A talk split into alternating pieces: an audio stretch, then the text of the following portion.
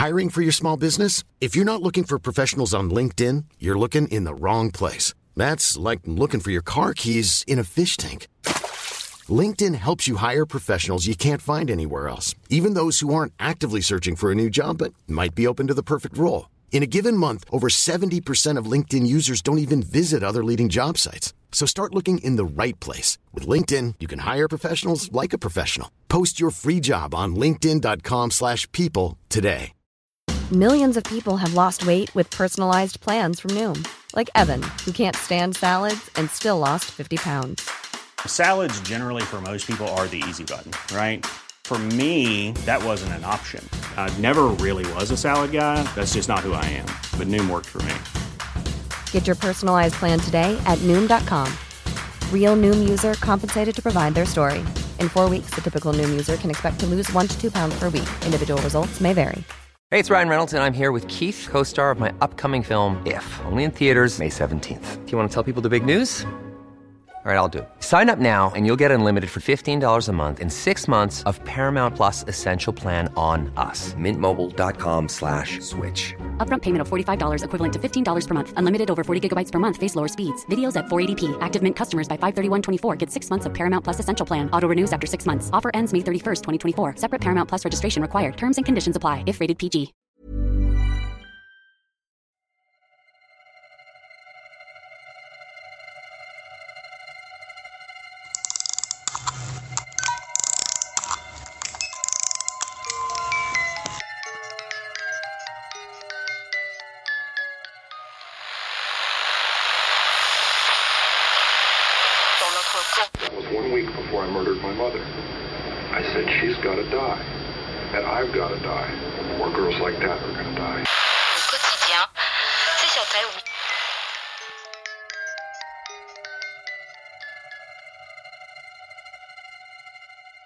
Hej och välkomna till Rysarstunden. Det är jag som är Linda.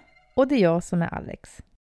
Ja, och i dagens avsnitt då är vi tillbaka med lite true crime. Ja, det är vi. Och idag kommer vi prata om två unga kvinnor som fick genomlida ett rent helvete, rent ut sagt. Den sista perioden i deras liv. Ja, verkligen.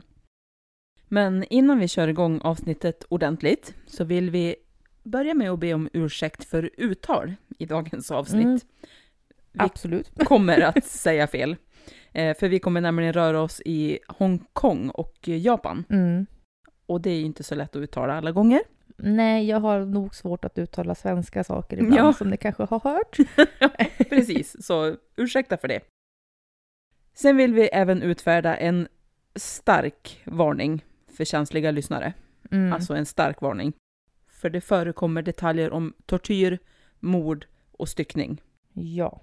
Så är ni det minsta känslig så hoppa över det här avsnittet eller spola förbi, alltså då vi kommer fram till detaljerna.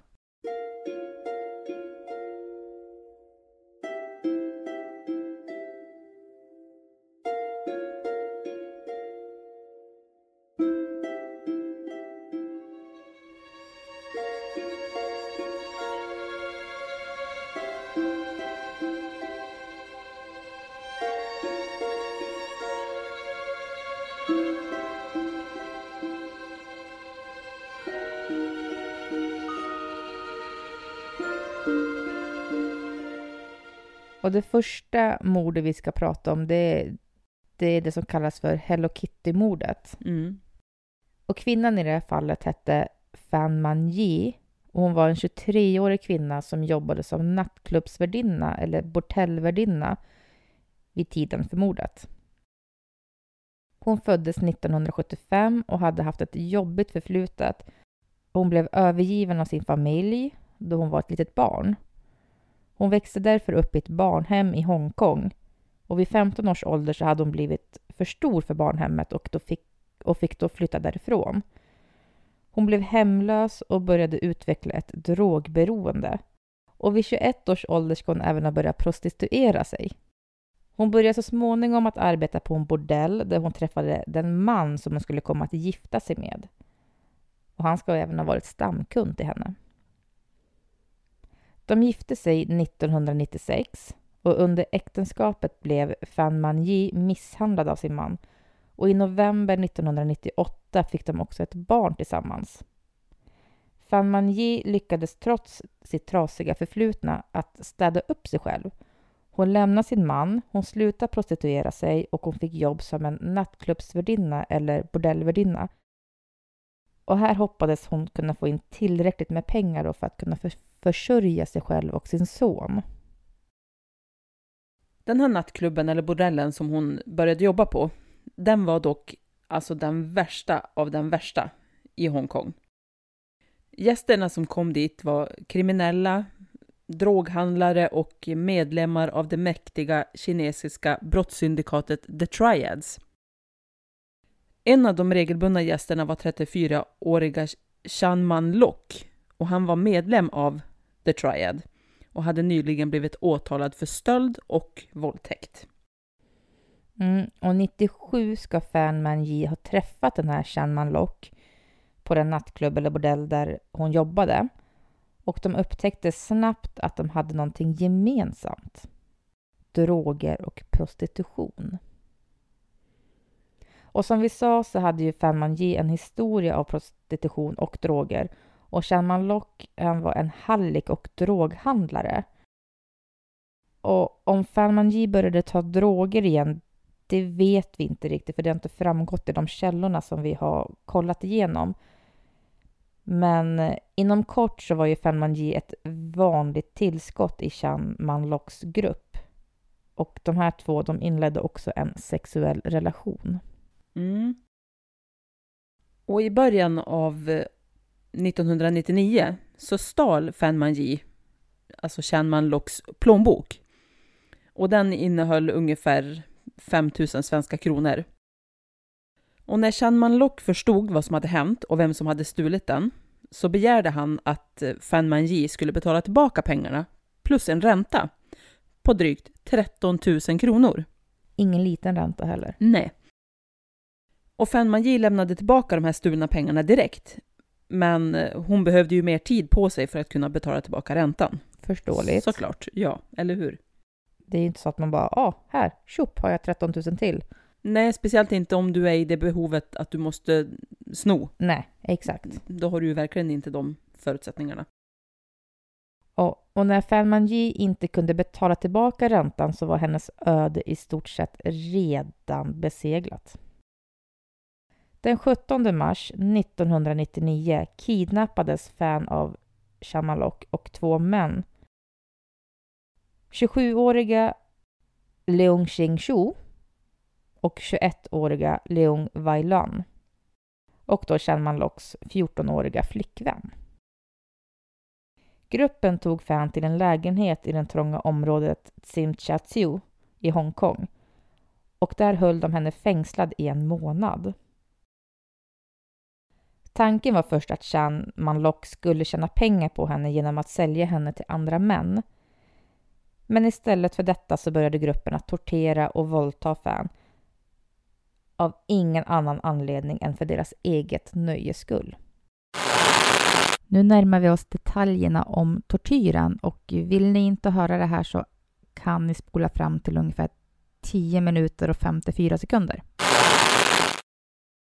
Fans ska bland annat ha blivit slagen med metallrör och hängts upp i taket i flera timmar och använts som slagpåse. Det har även framkommit att hon vid vissa tillfällen har blivit sparkad i huvudet runt 50 gånger. För att framkalla ytterligare smärta så rubbade de in kryddor i hennes sår.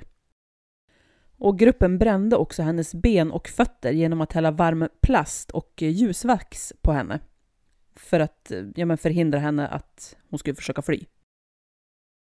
De tvingade i henne droger och Fan blev även insmord med urin och avföring och hon tvingades även att äta och att dricka det här. Och under tiden hon åt och drack urin och avföring så tvingades hon att le och säga att hon njöt av misshandeln. Alltså det är så sjukt. Ja, det är jättesjukt. Ja, och efter ungefär en månad så dog Fan av sina skador någon gång mellan den 14 och 15 april 1999. Källorna säger lite olika här så att vi är inte 100% säkra. Mm. Och enligt vissa källor så dog hon när hennes förövare var borta medan andra källor hävdar att hon dog under natten. Och när förövarna kom tillbaka så styckade de kroppen med en såg i ett badkar och sen kokade de delar av kroppen. Okej. Mm. Och det gjorde detta för att förhindra att hennes kropp skulle förmultna och stinka ruttet kött. Hennes huvud kokade de i samma gryta som de senare kokade sin egen mat i och de använde samma slev att röra om i grytan med Fans huvud som de sedan använde när de lagade sin egen mat. Och efter att de hade kokat Fans huvud så syddes det in i en sjöjungfruliknande Hello Kitty-kudde. Och det är ju härifrån då som fallet blev känt som The Hello Kitty Murder. Mm. Resten av kroppen kastades bort, förutom vissa interna organ och en tand som de sparade i en plastpåse. Det sägs också att Chan ska ha beordrat de övriga förövarna att mata hundarna med Fans kött. Men om det är sant eller inte, det har inte kunnat verifieras.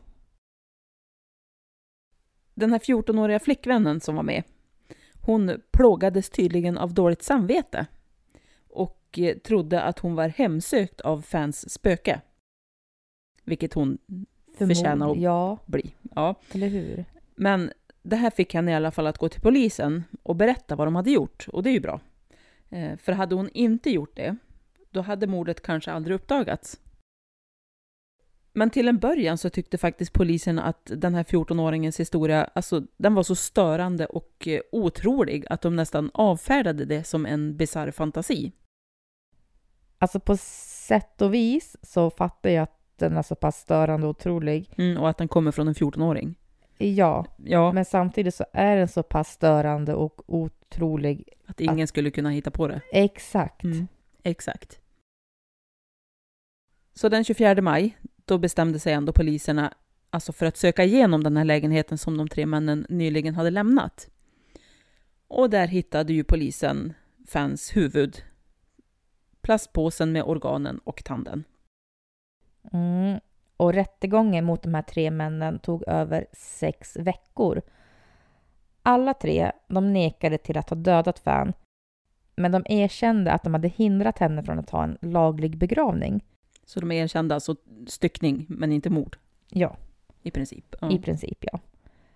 Och Chan och eh, Wai Lan erkände sig skyldiga till att ha hållit henne fången, men Xing Chu förnekade det och under hela rättegången skyllde männen på varandra samtidigt som de minimerade sin egen roll i detta fruktansvärda övergrepp. Den 7 december 2000 så dömdes de ändå för dråp och alltså inte mord. Dråp är ett lägre straffvärde än mord och juryn bedömde att delar av Fan som hittades inte riktigt räckte till för att avgöra om Fan hade dött av en överdos eller inte. Juryn var heller inte helt säkra på om männen faktiskt hade haft för avsikt att mörda Fan. Men de bedömde ju ändå att Fan hade dött av den här misshandeln. Och dessutom så vittnade en av förövarna i rätten i hopp om att få immunitet. Men det fick han inte. Bra. Ja. Samtliga blev dömda till livstidsfängelse utan möjlighet till benådning. Och några psykiatriker har tydligen gjort uttalanden om förövarna och sagt att de inte har visat någon som helst ånger över det de har gjort. Leung överklagade dock sin dom och eh, dömdes därefter till 18 år efter att ha ja, men, erkänt sig skyldig i rättegången, för de nekade ju allihop tidigare. Mm, precis. Och han släpptes faktiskt ut ur fängelset år 2011. Och den här 14-åriga flickvännen, hon fick däremot immunitet på grund av hennes låga ålder och för att hon hade vittnat i rätten. Mm. Ändå sjukt att hon var med på detta. Alltså Ja, att hon kanske inte, hon kanske inte gjorde någonting, det vet jag inte. nej, som jag har förstått det i källorna så har hon, ja men, eh, ja men inte varit lika aktiv som, som männen. Mm. Hon har varit, alltså deltagit i vissa delar av Mm. tortyren, men inte lika ofta och lika grovt som, som de Som andra, men männen. ändå sjukt. Ja. Och sjukt att hon är flickvän till den här Shanman Lock. Mm. Men det är en sjuk historia i sig. Så är det. Men ja, väldigt ung tjej för att vara med på de här sakerna. Mm. Men Leung, alltså han som kom ut ur fängelse 2011, han dömdes i augusti 2022 till 12 års fängelse på grund av oanständig kontakt med en väns 10-åriga dotter. Och så han sitter ju alltså igen bakom lås och bom. Där han hör hemma. Där han hör hemma, ja. Ja. Den här avskyvärda och brutala tortyren av fan, alltså det fick ju omfattande rubriker och stor uppmärksamhet från Hongkongs samhälle. Och efter händelsen så inträffade många ovanliga incidenter som betraktas som eh, paranormala eller övernaturliga av allmänheten. Mm. År 1999, innan fallet avslöjades, så hade en kvinnlig polis från Tsimsha-Tsu, alltså det samhälle som Fan dog i, Mm. det ska ha fått en rapport från allmänheten som påstod att det kom en dålig lukt från byggnaden där Fan dog. Polisen besökte platsen och korsade den övergivna korridoren men fann ingenting konstigt. Senare i september år 2000 så brände hon kol på sitt eget boende och bad om frid för Fans själ. Den rättsmedicinska läkaren som ansvarade för fallet ska också ha avslöjat att när domstolen presenterade bevis, inklusive fans skalle, Hello Kitty-kudden den hade legat i samt en gryta som huvudet hade kokats i, så fylldes rättssalen av liklukt. Oavsett alltså var beviset lämnades in. Och vid rättegången när försvarsadvokaten sa att den tilltalade bara hade hanterat kroppen olagligt och sa att det inte fanns något behov av att prata om det så började lamporna i rättssalen att blinka okontrollerbart. Så att alla i rättssalen blev, ja men de blev häpna. Ja, och domaren i rättegången, han sa att han hade bevittnat otaliga fall, men aldrig stött på så ovanliga händelser som i det här fallet. Den åtalade Leung Ching-Shu sa en gång till vakterna att eh, alla kvinnorna han såg i rättssalen såg ut som den avlidna Fan. Och en ovanlig incident inträffade också i den byggnad där mordet begicks. En kvinna som inte ens visste om detta mord hyrde en lägenhet på fjärde våningen tillsammans med en väninna. Och de här två sa att de ofta hörde kvinnor gråta på natten. Det var ingen som bodde i lägenheten då, men ändå kunde de höra detta. Och de upplevde även en spöklik beröring medan de sov. Ja, och eh, även en man och hans fru och barn som ska ha hjälpt till att identifiera offret ska ha avslöjat att eh, alltså när de stod på trappan i byggnaden så mötte de ett kvinnligt spöke. Familjen ja, men, blev ju såklart rädda och Mm. eh, flyttade omgående. Och personal på frisörsalongen på byggnadens första och andra våning hade också hittat Hello Kitty-dockor av okänt ursprung på morgonen. När de tittade på övervakningsfilmen upptäckte de att på kvällen när de skulle stänga salongen så fanns det en skugga bakom den person som var ansvarig för salongen Mhm. när han gick därifrån. Liksom. Ja, när han gick därifrån så... Det var en skugga Ja. bakom. Och även en berömd dam i Hongkong, hon har också berättat att eh, hon satt på en bar mitt emot den här byggnaden där mordet skedde. Och när hon satt där i baren så hade hon sett hur en kvinna stirrade på henne från den byggnaden då. Mm, Alltså jag tänker lite på The Grudge. eller hur? Att när en person dör under sådana här hemska omständigheter så lever den här anden kvar. Ja, det Att- bildas ju som en förbannelse. Exakt. Ja. Ja, jag tänker också exakt det. Ja, och den här förbannelsen den sägs ju ska döda alltså alla levande ting som den Mm. kommer i kontakt med. För det låter ju... Ja, men Ja. den verkar ju gå på de, de flesta i närheten. Mm. Och det är lite kanske hoppigt och hackigt att hänga med. Ja, Men ja, det, det påminner väldigt mycket om The Grudge kan jag tycka. ja. Ja, det har ju helt klart hänt oförklarliga saker i Mm. samband med hennes död. Absolut. Så är det ju. Men nu till nästa fall. Och eh, här vill vi återigen gå ut med en varning då det här fallet är fruktansvärt grymt. Det förekommer grova detaljer om sexuellt våld, tortyr och mord.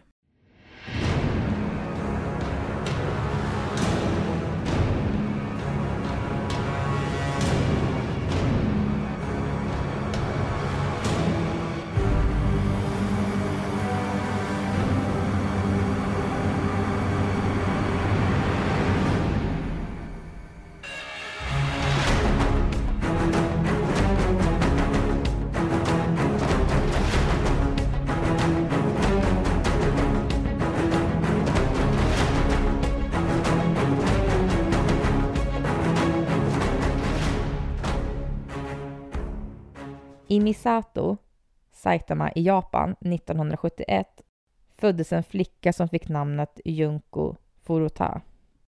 Hon var en helt vanlig tjej. Hon var känd för att vara söt och smart och hade bra betyg i skolan.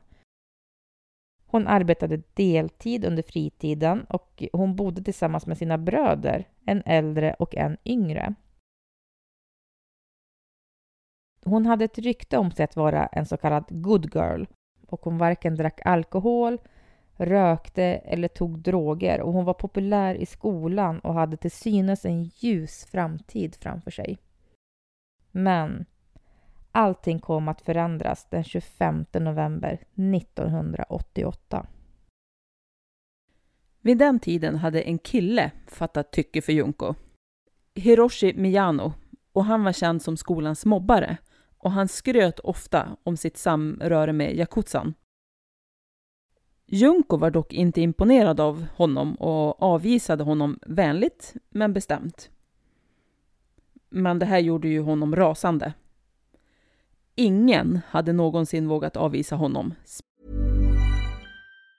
If you thought the only way to get a more defined jawline with natural looking results was through surgery, think again. Juvederm Volux XC is a non surgical injectable gel filler that improves moderate to severe loss of jawline definition and can help you achieve natural looking results with little downtime. Even better, this improved definition lasts up to one year with optimal treatment. No maintenance required. Improve jawline definition for a smooth, sculpted look with Juvederm Volux XC. For important safety information and to find a licensed specialist, visit juvederm.com. That's J U V E D E R M.com. Not for people with severe allergic reactions, allergies to lidocaine, or the proteins used in Juvederm. Common side effects include injection site redness, swelling, pain, tenderness, firmness, lumps, bumps, bruising, discoloration, or itching. There's a risk of unintentional injection into a blood vessel, which can cause vision abnormalities, blindness, stroke, temporary scabs, or scarring. Talk to a licensed specialist to find out if it's right for you. Hiring for your small business? If you're not looking for professionals on LinkedIn, you're looking in the wrong place.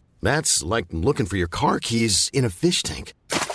LinkedIn helps you hire professionals you can't find anywhere else, even those who aren't actively searching for a new job but might be open to the perfect role. In a given month, over 70% of LinkedIn users don't even visit other leading job sites. So start looking in the right place. With LinkedIn, you can hire professionals like a professional. Post your free job on linkedin.com slash people today.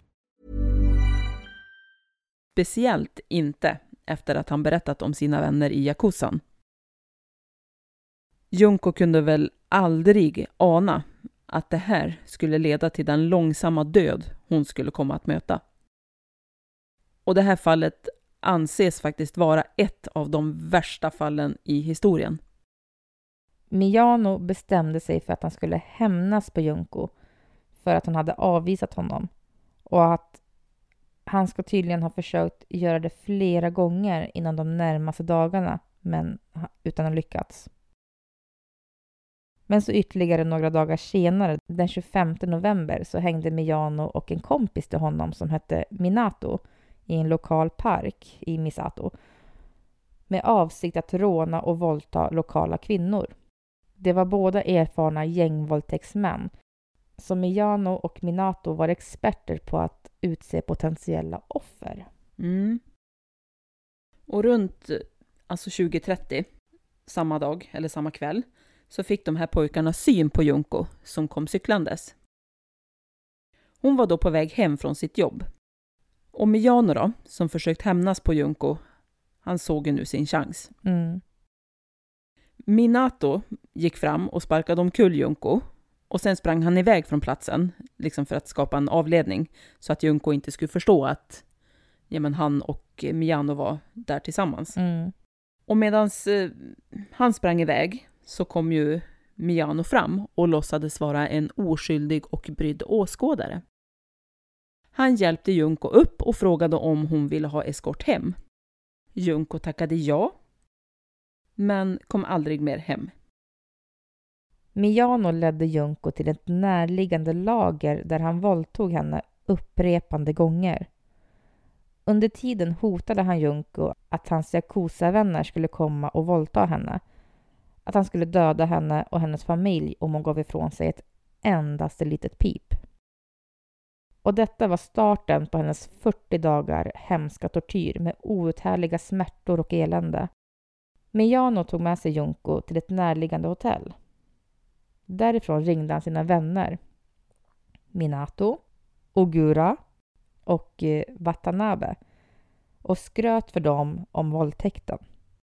Ogura har enligt uppgift bett Miyano att hålla Junko i fångenskap så att många av Yakuzans medlemmar skulle komma att förgripa sig på henne. Senare på natten, alltså samma kväll, vid tre tiden, så tog Miyano med sig Junko till en park där de här tre vännerna väntade på dem. Pojkarna fortsatte att hota Junko att de skulle döda hennes familj om hon försökte fly. Och eh, hon övermannades av de här fyra pojkarna och fördes till ett, till ett hus som ägdes av Minatos föräldrar. Och eh, ja, men där våldtogs hon igen. De eh, förutmjukade och våldtog henne om och om igen. Alltså, det är så hemskt. Ja, det är fruktansvärt. Junkos föräldrar ringde polisen den 27 november och anmälde henne försvunnen. Pojkarna tvingade då Junko att ringa hem och säga att hon hade rymt hemifrån och att hon bodde hos en vän. Junko tvingades även att be sin mamma att stoppa polisutredningen. Och när Minatos föräldrar var hemma eller i närheten då, ja men de ägde ju det här huset som de tog Junko till. Ja men exakt. Så tvingades Junko att agera som Minatos flickvän. Men föräldrarna anade så småningom att någonting inte stod rätt till. Oturligt nog så var hotet om Yakutsan tillräckligt stort för att de inte skulle våga säga någonting. Så Minatos föräldrar levde i förnekelse för en skräckhistoria som utvecklades i deras eget hem. Eller Mm. hus då, som de, hade, som de ägde. Ja. Under loppet av 44 dagar så våldtogs Junko över 400 gånger av Miyano och hans vänner. Även andra pojkar och män som de fyra vännerna kände fick komma och våldta Junko. Och vid ett tillfälle ska hon ha våldtagits av 12 olika män på, på en och samma dag. Helt sjukt. Ja. De svälte henne och tvingade henne att vara naken hela tiden. För varje dag som gick slog de och förnedrade de henne mer och mer på ett helt omänskligt sätt. Junko fick även ofta sova naken på balkongen. Och det här var ju i november, så det var ju vinter och eh, temperaturen kunde faktiskt sjunka långt under nollan. Och där låg hon alltså naken. Och på samma sätt så tvingade de också henne att sitta flera timmar i en frys. Alltså varför? Ja. Alltså, jag fattar inte. Nej, man gör ju inte det. Alltså det går jag, inte in. Nej, jag fattar inte hur man kan göra sådana här saker. Nej. Vad är det som försiggår i en människas huvud som gör att man vill Mm. utsätta någon för sådana här saker? Nu vill vi återigen varna känsliga lyssnare för hemska detaljer. Vill ni hoppa över det så spola fram till eh, ungefär 34 minuter. Eller hoppa över avsnittet så hörs vi igen nästa vecka. Och när Junko inte våldtog så utsatte pojkarna henne för andra hemska saker. Hon hängdes upp i taket och slogs med golfklubbor, bambupinnar och järnstänger. Så hårt och så länge så att hon fick inre skador och blod började rinna ur hennes mun. Vid ett tillfälle ska hennes näsa ha blivit så fylld med blod att hon endast kunde andas genom munnen. Efter långvarig svält så var Junko både undernärd och uttorkad och pojkarna tvingade henne att äta kackerlackor och att dricka sitt eget urin. De tvingade henne också att onanera framför dem och deras gäster, eller gängmedlemmar då. De fortsatte att slå henne hårt otaliga gånger. De höll till och med hennes ansikte mot betongmarken och hoppade på det. De förde också in främmande föremål i hennes vagina och anus. Allt ifrån järnstänger, saxar, grillspett, en flaska, brinnande cigaretter och även en fortfarande varm glödlampa. Sedan slog de henne på hennes mage tills lampan krossades inuti henne. Och detta, det förstörde ju hennes inre, vilket ledde till att hon inte kunde bajsa eller kissa som hon ville. Mm. Nej, det skars väl sönder. Alltså, in, Mm. ja. Såklart. Åh, gud vad hemskt. De brände delvis hennes kropp med cigarettändare och avfyrade fyrverkerier i hennes öron, mun och vagina. Hennes trumhinnor blev förstörda så att hon inte kunde höra ordentligt. Och detta gjorde dem bara ännu mer arga. Men vad trodde de Ja, skulle hända? Alltså, eller om man hur? avfyrar fyrverkerier i öronen på en människa så är det väl ganska självklart att Du hör ingenting sen. nej. Och att hon hörs någonting överhuvudtaget är ganska, Ja, alltså sjukt. och så blir de arg. Ja. De rev också av hennes vänstra bröstvårta med en tång och de genomborrade också hennes bröst med nålar. De här svåra brännskadorna som hon fick och de kraftigt skadade musklerna gjorde ju att Junko inte kunde gå. En av de här dömda killarna i rätten ska ha uttalat sig och eh, sagt att hennes fötter och händer var så skadade att det tog henne över en timme att krypa ner till badrummet och eh, så småningom klarade hon det inte alls i tid. På grund av den svåra tortyren så tappade ju Junko så småningom kontrollen över blåsan och tarmen. Och hon misshandlades då för att ha smutsat ner mattorna. Vad trodde de? Ja, återigen, vad trodde de? ja. Ja. Hon kunde heller inte dricka vatten eller konsumera mat och hon kräktes varje gång hon försökte. Och det här höll ju henne uttorkad ytterligare och det upprörde också pojkarna som såklart skulle komma och straffa henne med ännu mer tortyr. Alltså fruktansvärt. Ja, De droppade också hett vax på hennes ansikte och ögonlocket brändes med cigarettändare. Hennes händer krossades av vikter och naglarna var spruckna. Junkos utseende förändrades drastiskt på grund av den brutalitet hon utsattes för. Hennes ansikte var så svullet att det var svårt att eh, utmärka alltså hennes drag. Hennes kropp var också svårt förlamad och avgav en ruttnande lukt som fick de fyra pojkarna att tappa sexuellt intresse för henne. Som ett resultat av det här så kidnappade och gruppvåldtog de det en 19-årig kvinna som precis som Junko var på väg hem från sitt jobb. ja, så sjukt. Som sagt, man vet inte ens vad man ska säga. Nej, Alltså, man tappar sexuellt intresse för att hon luktar illa. för allt de har gjort med henne. Ja. Och då bara nej, nu, nu Ja, har vi, nu, nu, nu, hon ser inte så bra ut längre. nej men exakt. Vad tror de? Ja. De misshandlar henne Mm. fruktansvärt. Ja, det är som sagt... Det, ja, man vet inte ens vad man ska säga. Nej, som sagt. det, det är så sjukt som det känns som att det liksom har det här ens, ens hänt. Ja, exakt. Tyvärr så har att- det ju det. Ja, men det är svårt att föreställa sig. Ja. Ja. Men under den här 40 dagar långa prövningen så bad Junko dem att döda henne. Det kan jag förstå, för det hade nog varit mildare. Mm. Ja. Men såklart beviljar de inte henne den nåden. Den 4 januari 1989 utmanade de henne istället till en omgång Mahjong Solitaire. Just det. Alltså helt otroligt att hon ens kunde spela. Mm. Ja, men i det skick hon befann sig. Ja. Men hon lyckades vinna. Och för det här så blev ju pojkarna rasande. Såklart. Ja. Alltså, åh, jag blir så arg. Mm. Som straff fick de henne att stå och sedan slog de henne på hennes fötter med en pinne. Hon föll omkull på en stereoanläggning och eh, började krampa. Hon blödde rejält och det kom var från hennes infekterade brännskador och eh, pojkarna trädde då plastpåsar över hennes händer och eh, tejpade fast vid handlederna. De fortsatte att slå henne och tappade en hel hantel på hennes mage flera gånger.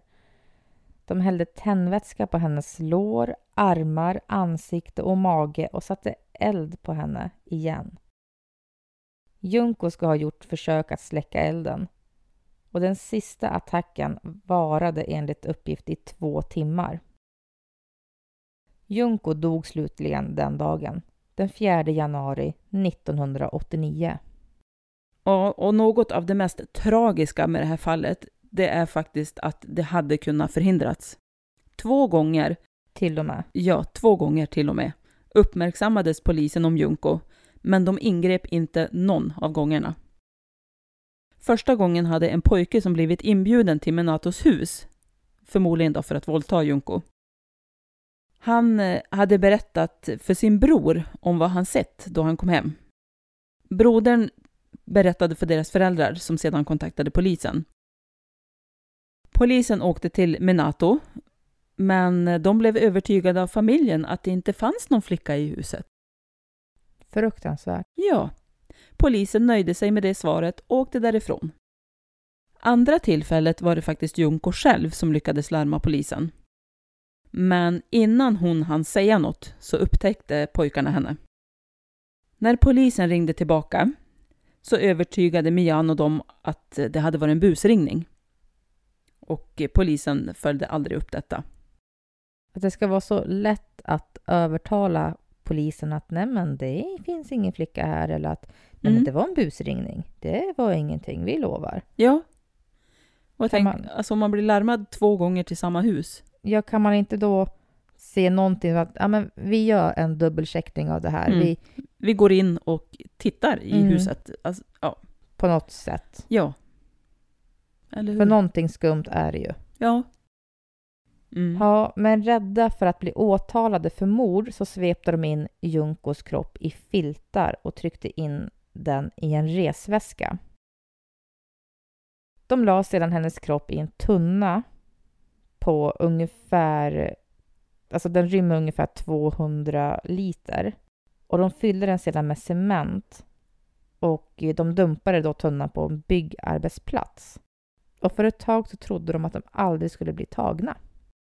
Men den 29 januari 1989 så greps Miano och Ogura för den här gruppvåldtäkten av den 19-åriga kvinnan Mm. som de tog när de hade ta- tappat sexlusten för Junko. Och under förhöret med Miano så nämnde polisen ett mordfall som de höll på att utreda.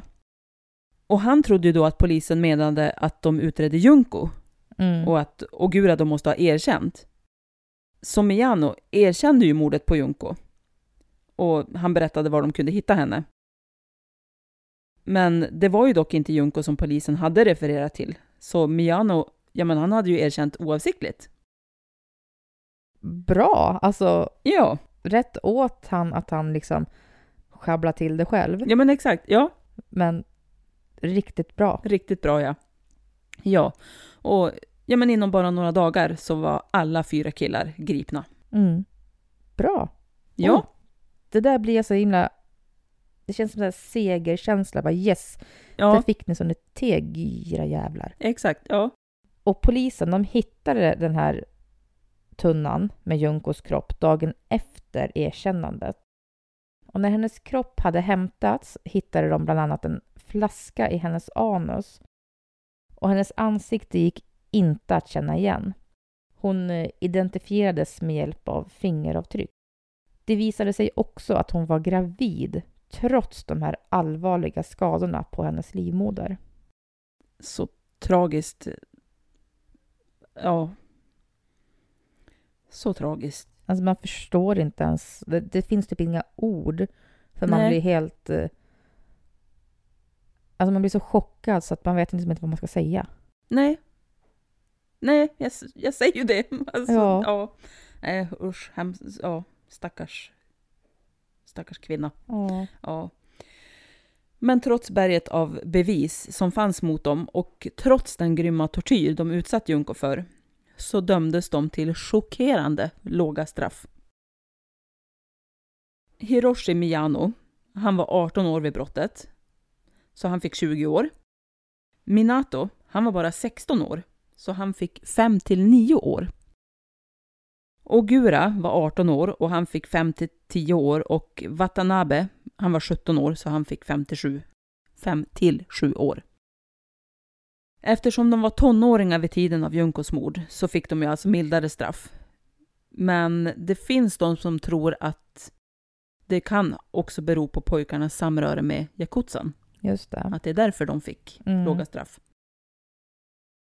Hade det här hänt någon annanstans eller om pojkarna bara hade varit några år äldre så hade de ju troligtvis blivit dömd till dödsstraff.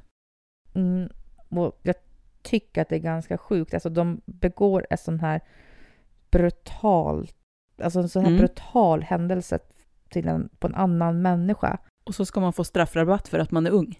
Ja, Men man är inte tillräckligt ung för att utföra den här tortyren. Alltså, det går inte ihop tycker Nej. jag. Så jag tyckte det är så sjukt. ja, Om de nu, ja men, ni får fem till tio år i fängelse, men då ska ni också ha, efter det, så ska ni ha någon typ av annan, alltså det ska inte bara, ja men då blir ni släppta. nej. Det ska men de någon... ska inte bli släppta någonsin. Nej. Alltså, nej. Jag blir så arg. Ja, Men istället så släpptes de så småningom alla fyra ut ur fängelset. Det tros att Watanabe är den enda som inte har återgått till brottsligheten sedan det släpptes. Och än idag så känner många i Japan att rättvisa inte har skipats i Junkos fall. Och tragiskt nog så kommer det säkert aldrig heller att ske. nej säkert inte. Men jag håller med. Alltså jag tycker inte att hon har fått rättvisa. Nej, inte för det hon varit utsatt De för. låga straff de fick. Ja, Med tanke på, som du sa, det hon har blivit utsatt för. Så fruktansvärt och helt Ja. sjukt att man kan få så låga straff för det Ja. man har gjort. Ja, Även om man är ung, liksom. Någonting ska... Alltså man måste hitta någon annan grej. Ja, ah, nej men okej, de är för unga för det här straffet. Ja, men gör någonting åt det. ja. De har gjort det här. Ja men exakt, ja. Och så fruktansvärt ung tycker jag inte är. De är liksom runt 18 år, 16 år. De tar ansvar för sina an- handlingar. Ja. Ja, Nu kanske jag låter grym, jag vet inte, men alltså det här det är ett grymt och eländigt och hemskt fall. ja men de alltså, utsatte en människa för ja, men, så mycket fruktansvärd tortyr så att Mm. det är sjukt. Och de avslutade en ung kvinnas liv Mm. som hade ja, men, hela livet framför sig. Alltså, Ja. och så... Det ju, de får ju ingenting för det Nej. i stort sett. Ingenting. Nej. Och nog är de gamla nog att förstå vad de gör med någon annan. Oh ja, oh ja. Och jag menar i 44 dagar, du hinner ångra dig eller du hinner anmäla Ja, men till upp. polisen. Eller, Vad är det vi håller på med? ja, Hallå, men liksom. ingen Ingen gjorde det. det. Nej, Och det här var ju dagens avsnitt. Ja, och som sagt, det är så fruktansvärt att det går inte ens att förstå att det faktiskt har hänt. nej. Men ja, nu är det i alla fall dags att tacka för idag och säga hej då för den här gången. Mm. Tack till er alla som har lyssnat och som lyssnar. Mm. Och kom ihåg att ni väldigt, väldigt gärna får dela, kommentera, följa oss och så vidare. Ja, Och det är med er hjälp som vi kan växa och bli bättre på det vi gör. Och som vi sagt tidigare så vill vi ju bli det för er skull. ja, För det här är så fruktansvärt kul, alltså att podda. ja. De här är ämnena det. är, otroligt gripande. Ja, och de är tunga att Mm. eh, skriva om och att berätta om. Men det är Men så kul att podda. ja, det är ju det. Så tack igen, så hörs vi igen nästa torsdag. Det gör vi. Tack så mycket. Tack, hej då! Hej då!